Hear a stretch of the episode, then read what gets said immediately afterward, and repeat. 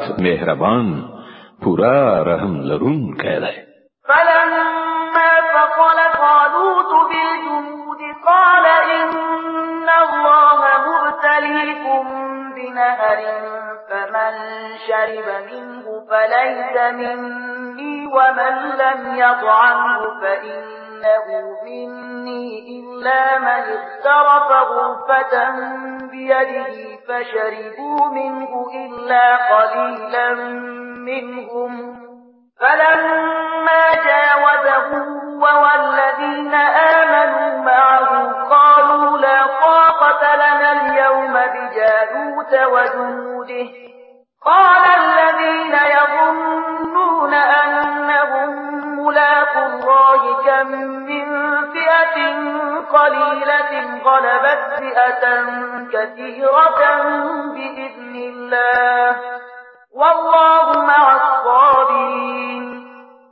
بیا چې کله تعالوت لخر سره وخوځید نو وی ویل پر یو سین باندې د الله له لوري پر تاسو ازمویښت کیدونکی دی څوک چې د هغه اوبو څخه هغه زما ملګری نه دی زما ملګری یوازې هغه څوک دی چې پر هغه خپل تند ماته نه کړی او که څوک یو نیم الله په وڅخي نو ودی څخي او پرته لیواړه ټولګینه نور ټول له هغه سینه خړو بشو بیا چې کله تعالوت او ورسره ملګری مسلمانان له سینه پوری وتل وړاندې لاړل نو هغه تعالوت وویل چې نن په مونږ کې د جالوت او د هغه لخر سره د مقابله وس نشته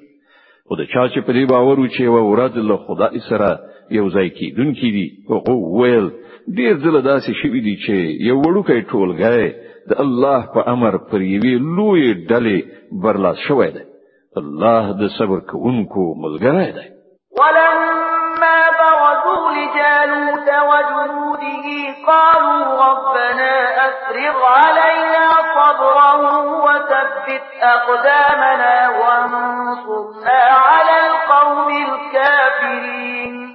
او کله چې هغوی د جالوت او د هغه د لښکرو مقابله ته ووتل نو یې دعا وکړه ای زمونږ رب مونږ ته صبر راکړه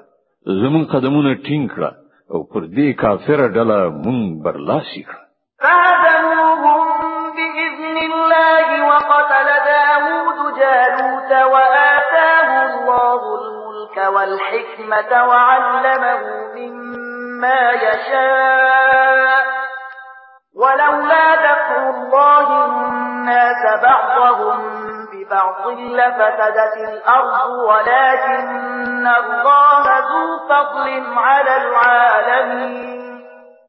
په پای کې د الله په امر هغو کافران وزغلول او داود جالوت وواژه او الله هغه ته سلطنت او حکمت ور په برخه کړ او هر هغه څه ور زده کړل چې د الله خوښه و دغه شان الله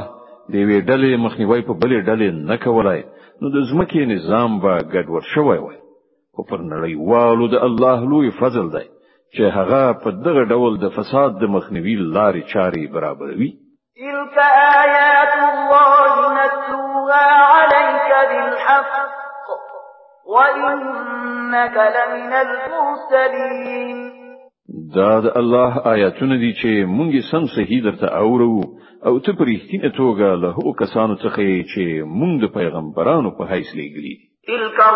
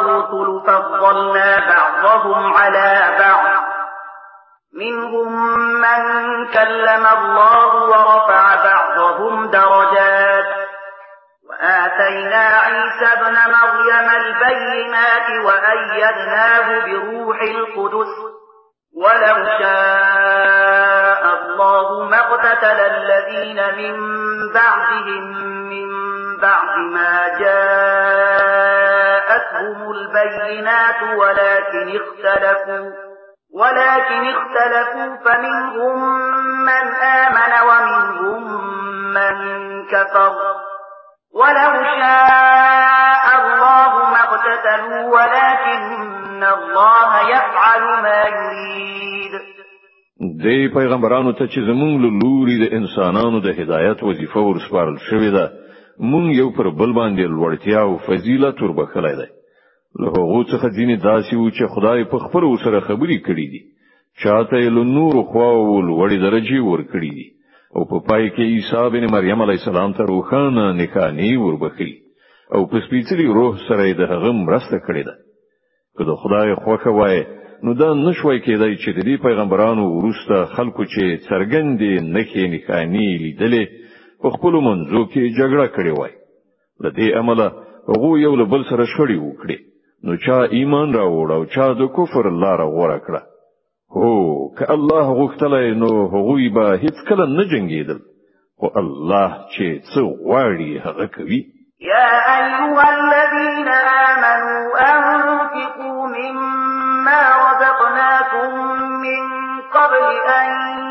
يأتي يوم لا بيع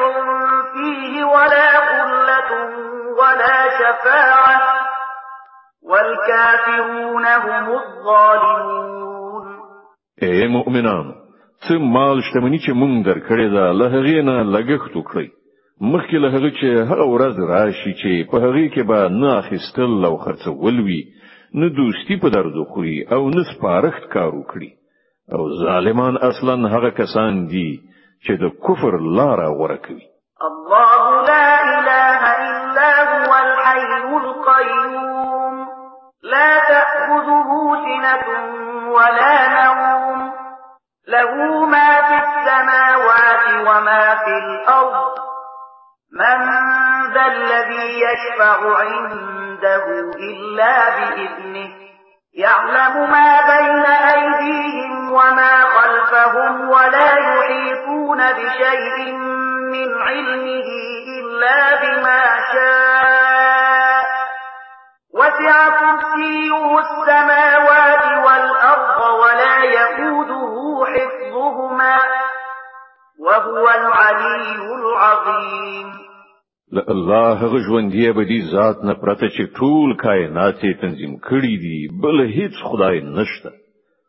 هغه نه ویدي کیږي او نه پریشانی پر راځي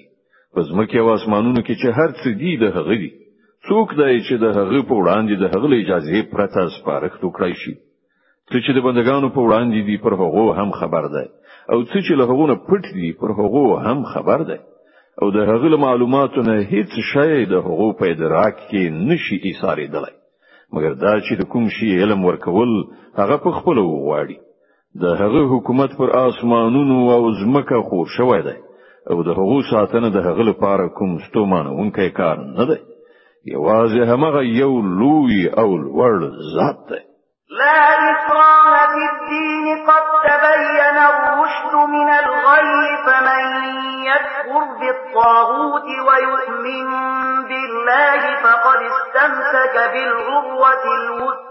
قال انفصام لها والله سميع عليم د دین په چارو کې څه زور او مجبورول نشته سم خبره له غلطو مفکورو څخه جلا کړای شوې ده اوس چې څوک له کوم طاغوت نه منکر شي او په الله ایمان راوړي هغه یو داسې کلکه آسره ونیول چې هیڅ کله ماتیدونکې نه ده او الله د هر څه اوریدونکی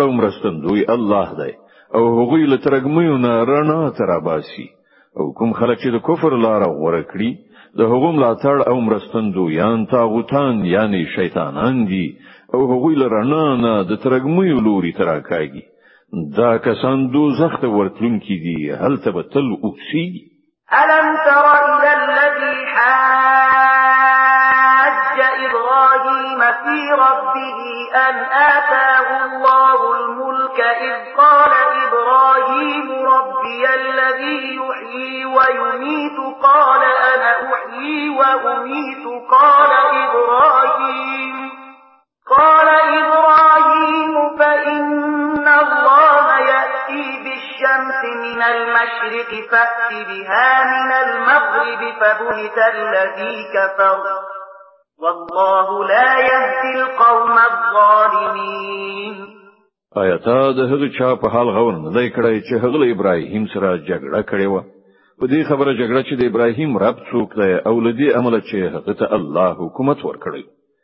کله چې ابراهیم علی السلام وویل چې زما رب هغه ذات دی چې د ژوند او مرګ واکمن دی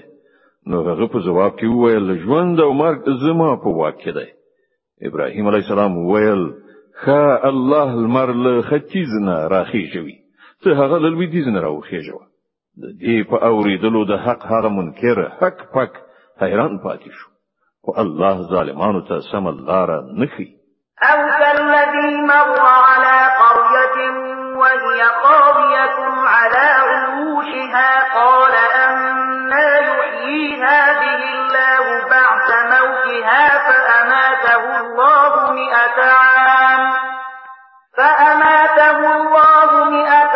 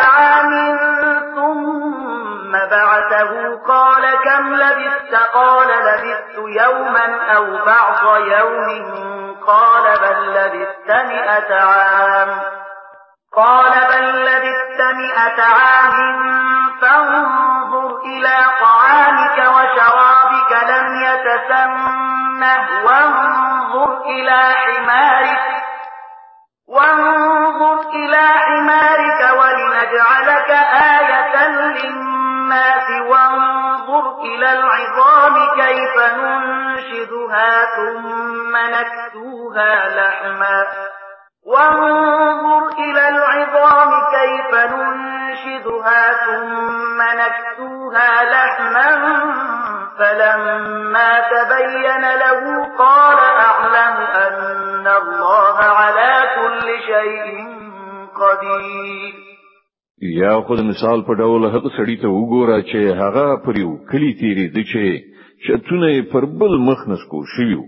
هغه ویل دا ودانی چې ورانی شوی دی دا به الله په څه شان بیا ژوندې کوي یعنی جوړوي نو الله د هغه سا واخیستله او هغه سل کاله مړ پروت بیا الله هغه دوهم ځل ژوندې کړ او له هغه نه پوښتنه وکړه وایې څومره وخت پروت وی هغه ویل یو ورځ یا څو ساعته به پروتو وی فرمایل سل کلونه در باندې په همدې حالت کې تیر شوی دي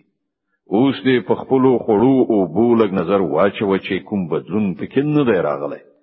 لبل خو لکشان خپل خرته هم وګوره چې ان هډوکی هم ورسته شوی دي او دا موږ دې لپاره داسې کړی دي چې موږ غواړو تا د خلکو لپاره یو نښانه وګرځو اوس وګوره چې دا د هډوکو پختې څنګه را پاتسو په غوخه او په ستوکي پټو کله چې په دې توګه هغه ته حقیقت په ډاګه څرګند شو نو وی ویل زه په هیګم چې الله په هر څه قادر دی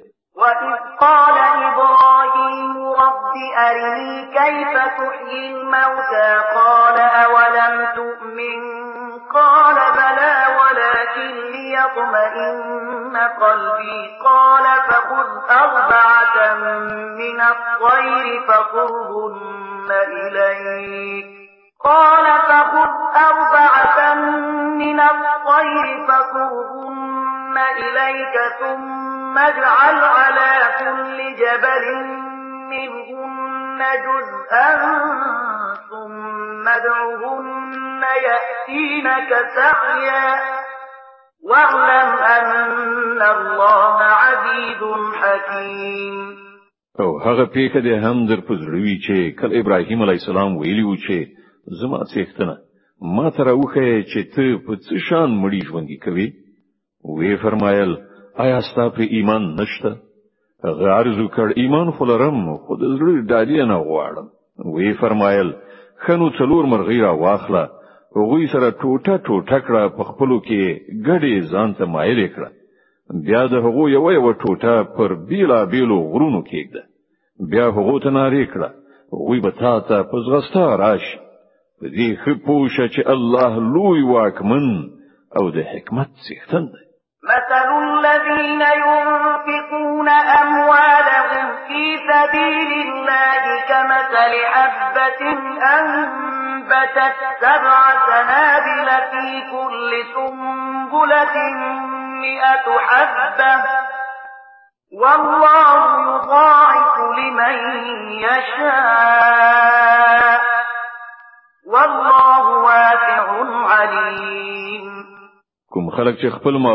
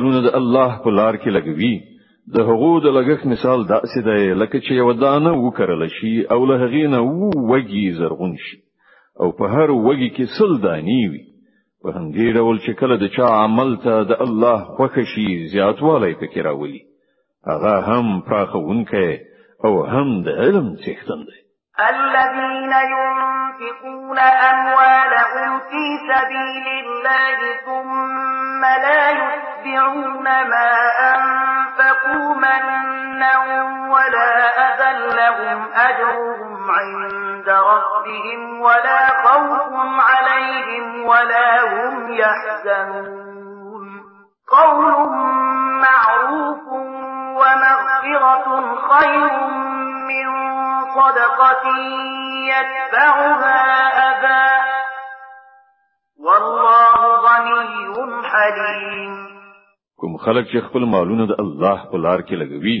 او له لګښت نه ورسته فاصلونه نه کوي نه آزار ور کوي د هغو ثواب د هغو د رب سره دی او پر هغو چې ویره ترها غم خپګان نشته یو خوږه خبره او لیوی ناوړه خبرې نه تیرېدل له هغه خیرات نه ډیر خدي چې ورپسې آزار ولوي الله به اړیزه او زغم د هغه صفت دی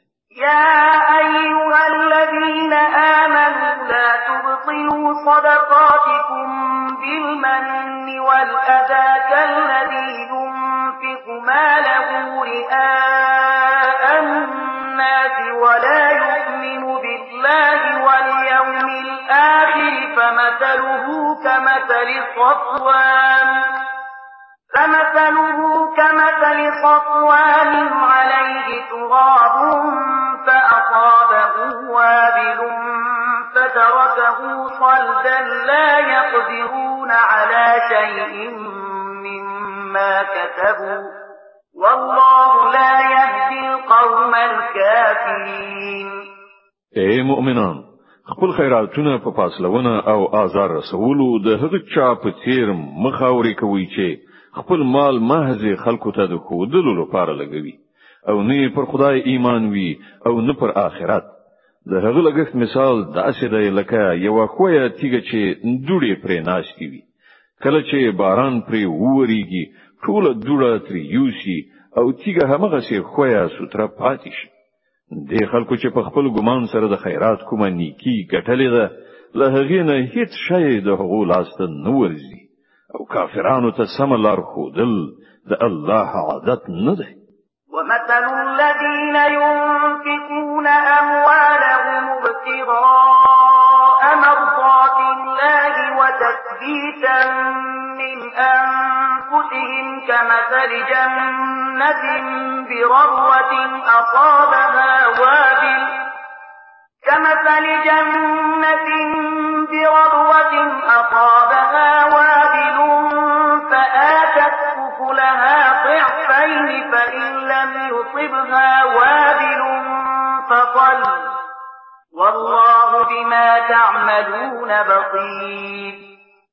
د دې پر خلاف کوم خلک چې خپل مالونه واځي د الله د خوشاله ولو لپاره په ډاډه زړه او ثبات لګوي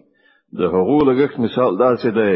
لکه چې په کومه هسکه کې یو باغ وي که شیبه باران پرې ووريږي نو دوه چنده میوي نیسي او که باران پرې ونوريږي هم نو یو پرخه یعنی شبنم ورته کافي وي تاسو چې هر څه کوي خدای د هغو لیدونکی دی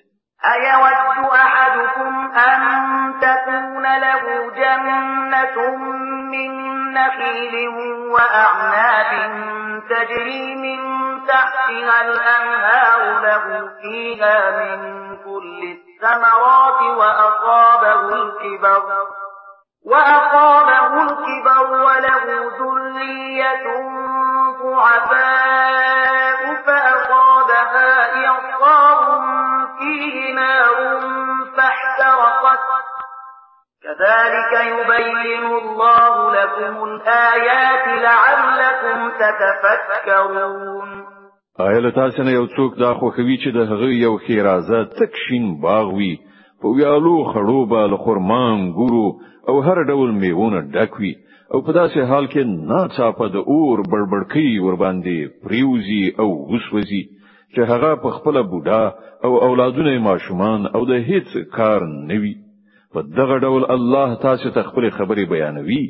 تاسو ته ښایي چې غور او فکر وکړئ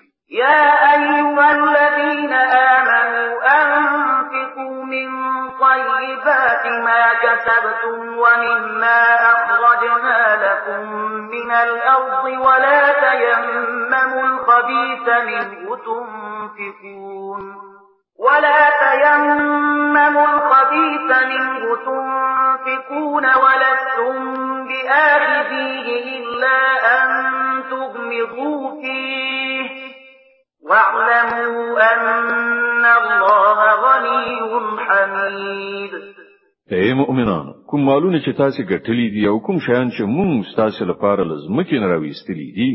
د هغو ډیره غوره برخه د خدای په لار کې ولګوي دا سینه چې د هغه په لار کې د ورکړې لپاره د ډیره ناکاره شي ورکولو کوشش وکړي په داسې حال کې چې که همغه شای څوک تاسو ته درکړي نو تاسو به هیڅ کله د هغه اخیستلو ته زړه ښه نه کړئ مګر دا چې د هغه په قبلولو کې لسترګو پټولو نه کار واخلئ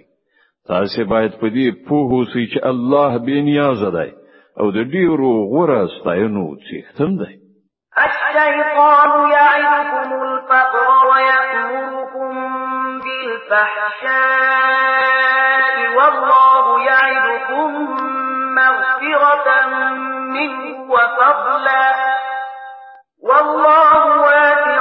علیم شیطان تاسو له بیوزلۍ نه ویروي او شرمناک چلن غوړه کولو ته مو هڅوي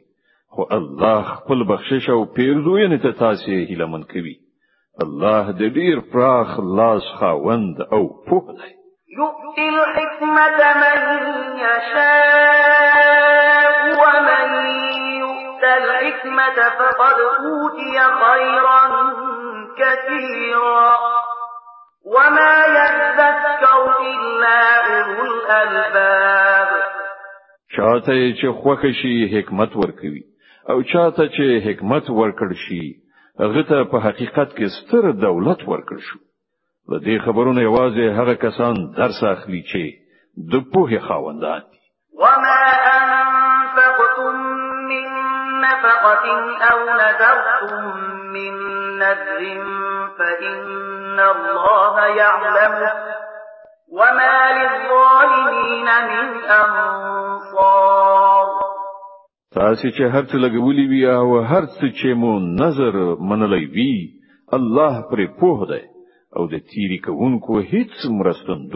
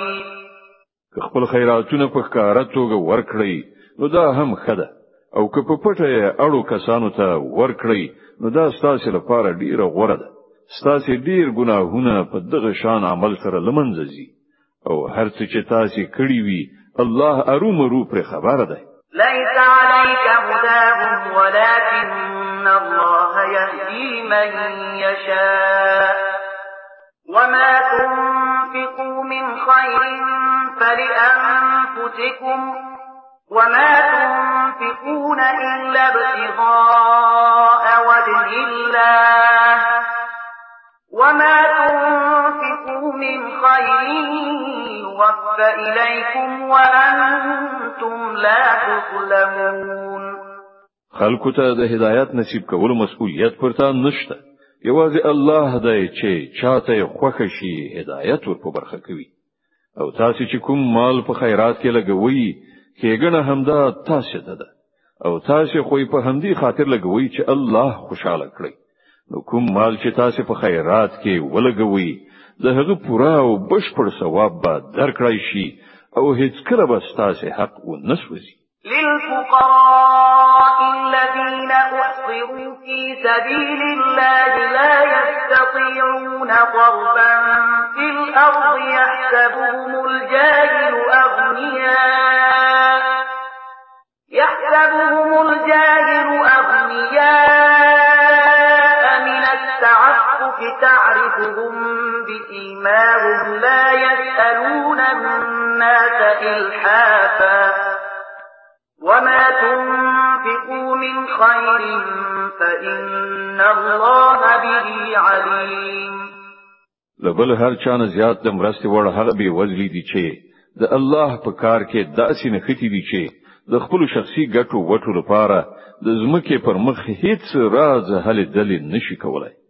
د هغو د استغنا په لیدلو به خبره خلک ګمان کوي چې دوی شتمن دي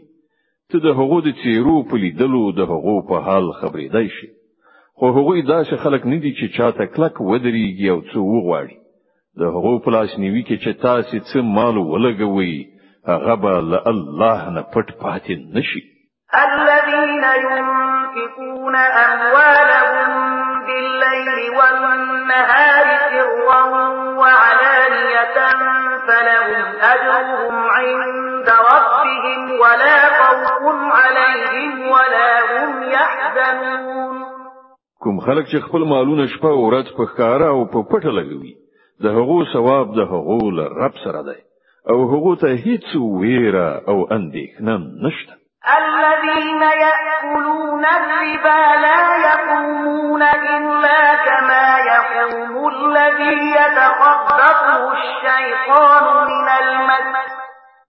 ذلك بأنهم قالوا إنما البيع مثل الربا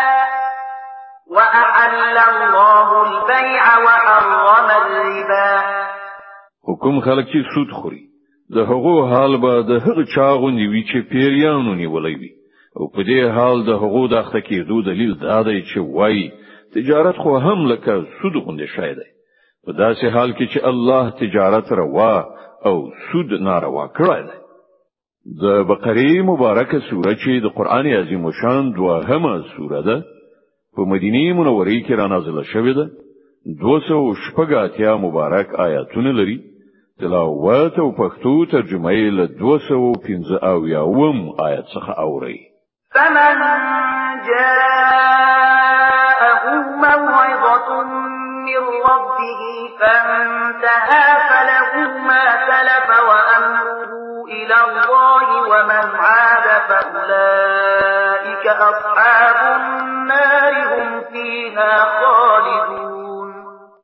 نو چاته چې د هغه د رب له لوري دا نصيحت ورسید او پراتونکي کې د سود له خوړلو نه ډډه وکړه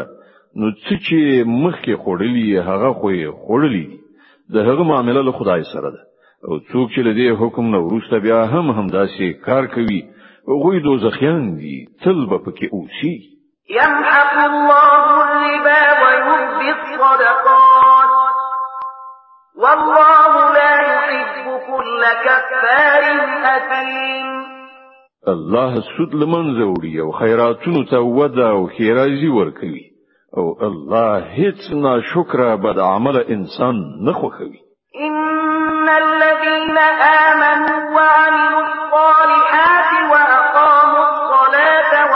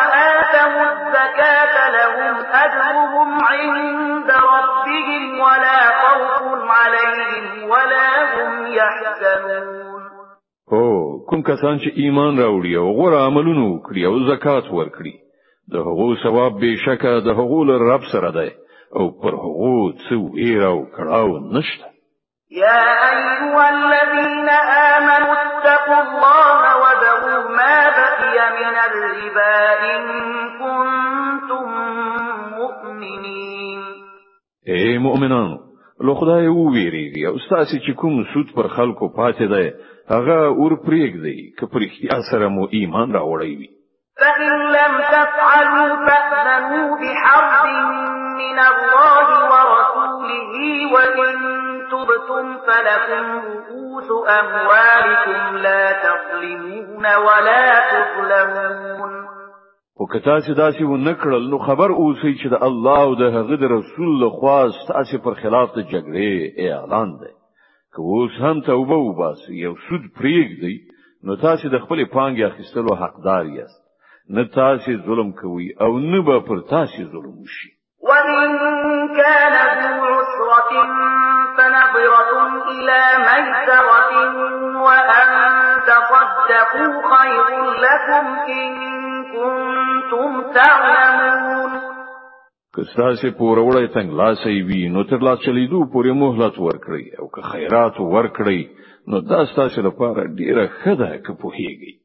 واتقوا يوما ترجعون فيه إلى الله ثم توفى كل نفس ما كتبت وهم لا يظلمون د هغه ورځې له رسوایی او کړهو نه ځان وژغوري چې د الله لوري ته ورستنیږي هلته به هر چاته د هغه د کړې نیکی یا بدی پوره بشپړه بدله ورکړی شي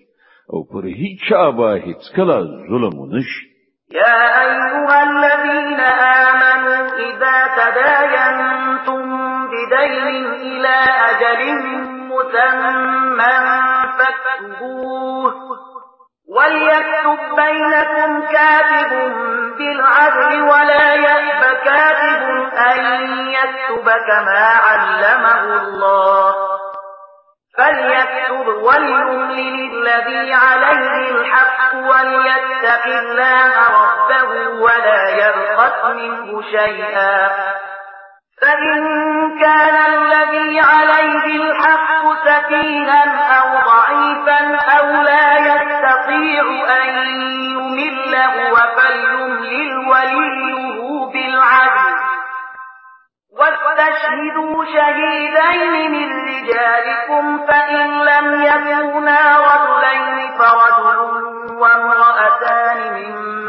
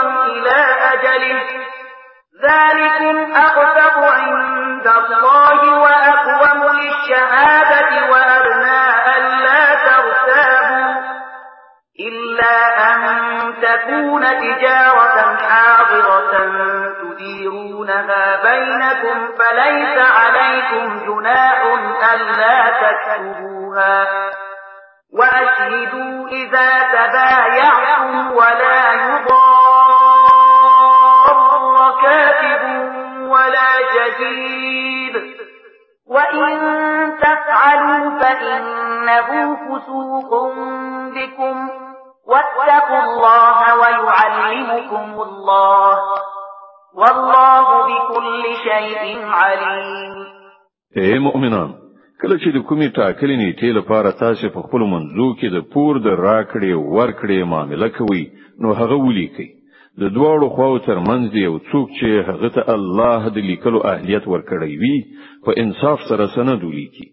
هغه دې له لیکلو نه انکار نه کوي لیکنه او املا دې هر څوک وکړي چې حق ور باندې دی یعنی پور اخیستونکی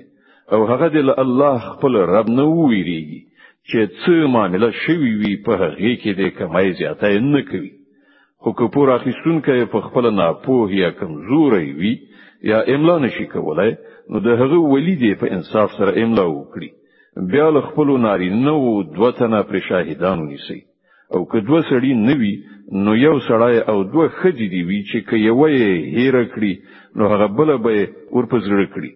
دا شاهدان دې له داسې خلکو څخه وي چې د هغو شاهدي ستاسو په منځ کې قبلې دونکي وي شاهدانو ته چې کله د شاهدۍ وهلو ویل شي نو هغوی د انکار نه کوي که معامله وړه وي او که غټه د هغې نیټه ټاکل او سند لیکل به اهمیت مګني د الله په وړاندې دا چلند ستاسو لپاره ښه د انصاف کار دی په دې سره شاهدۍ تیرولو کې ښه اسانتیا راځي او په شکونو او شبهو کې ستاسو د اخته کېدو امکان کمیږي هو که تاسو په خپل منځو کې لاس په لاس تجارتي راکړه ورکړه کوي نو د هغه د نه لیکلو هیڅ پروا نشته خو د سوداګرۍ د راکړې ورکړې په وخت کې شاهدان ونیسي لیکونکی او شاهد دې نه زورول کی که داسې وکړي نو ګناه کوي د الله له قهر وویریږي هغه تاسو ته د عمل سمل لار درخي او هغه په هر څه پوه دی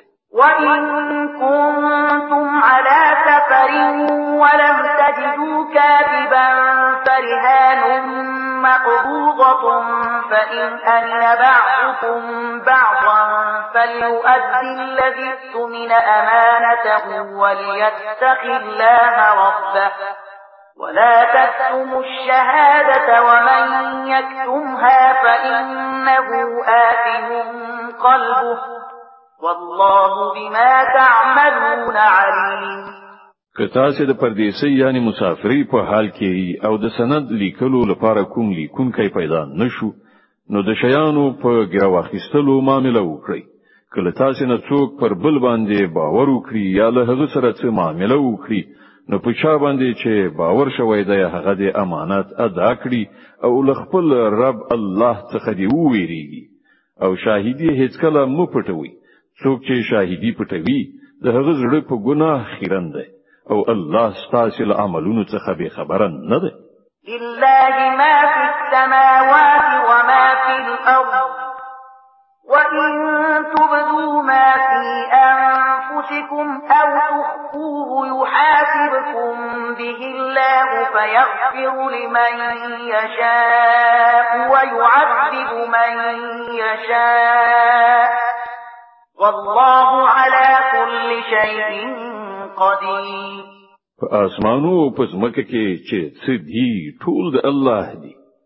تاسو کې د خپل زړونو خبرې ښکارا کړی او کې پټي وساتي په هر حال الله به له تاسو نه د هغو حساب واخلي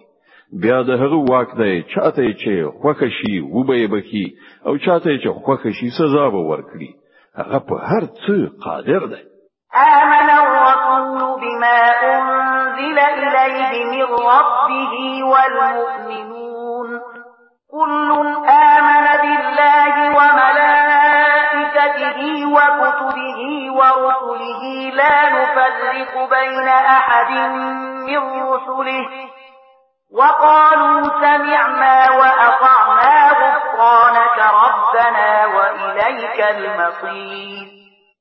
پیغمبر صلی الله علیه وسلم پر هغه هدایت ایمان راوړی دی چې د هغه د رب لخوا پر هغه نازل شوی دی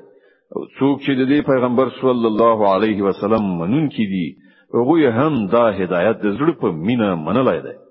دوی ټول الله د هغه پرښتې د هغه کتابونه او د هغه پیغمبران منلي دي او د هغه وینا دا ده چې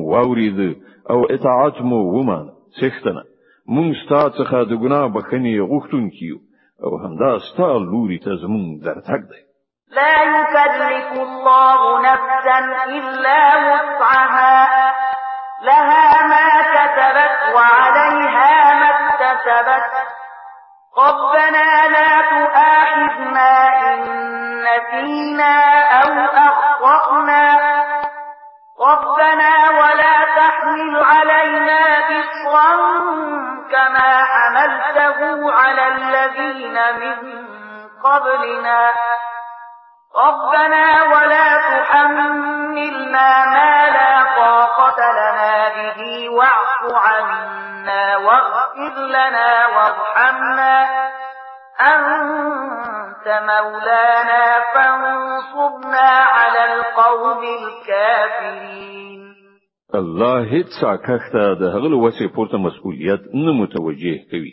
هر چا چې څه خې کړی دی د هغو میوه د همغه ده او چا چې څه بدی کړی ده د هغې ګناه پر همغه ده مؤمنان تاسو داسې دعا وکړئ ای زمونږ رب کله موږ نه څه هیر او خطا صادر شي موږ پرې منیسه څښتنه پر موږ هغه پیټه مګل چې لمونږ نه مخکنیو خلکو باندې دی خیو زموږ څښتنه د کوم پیټي پورته کولو چې په مونږ کې وس نشته هغه پر مونږ مګده لمون سره اساني وکړه زمون له ګناهونو څخه تیر شه پر مونږ رحم وکړه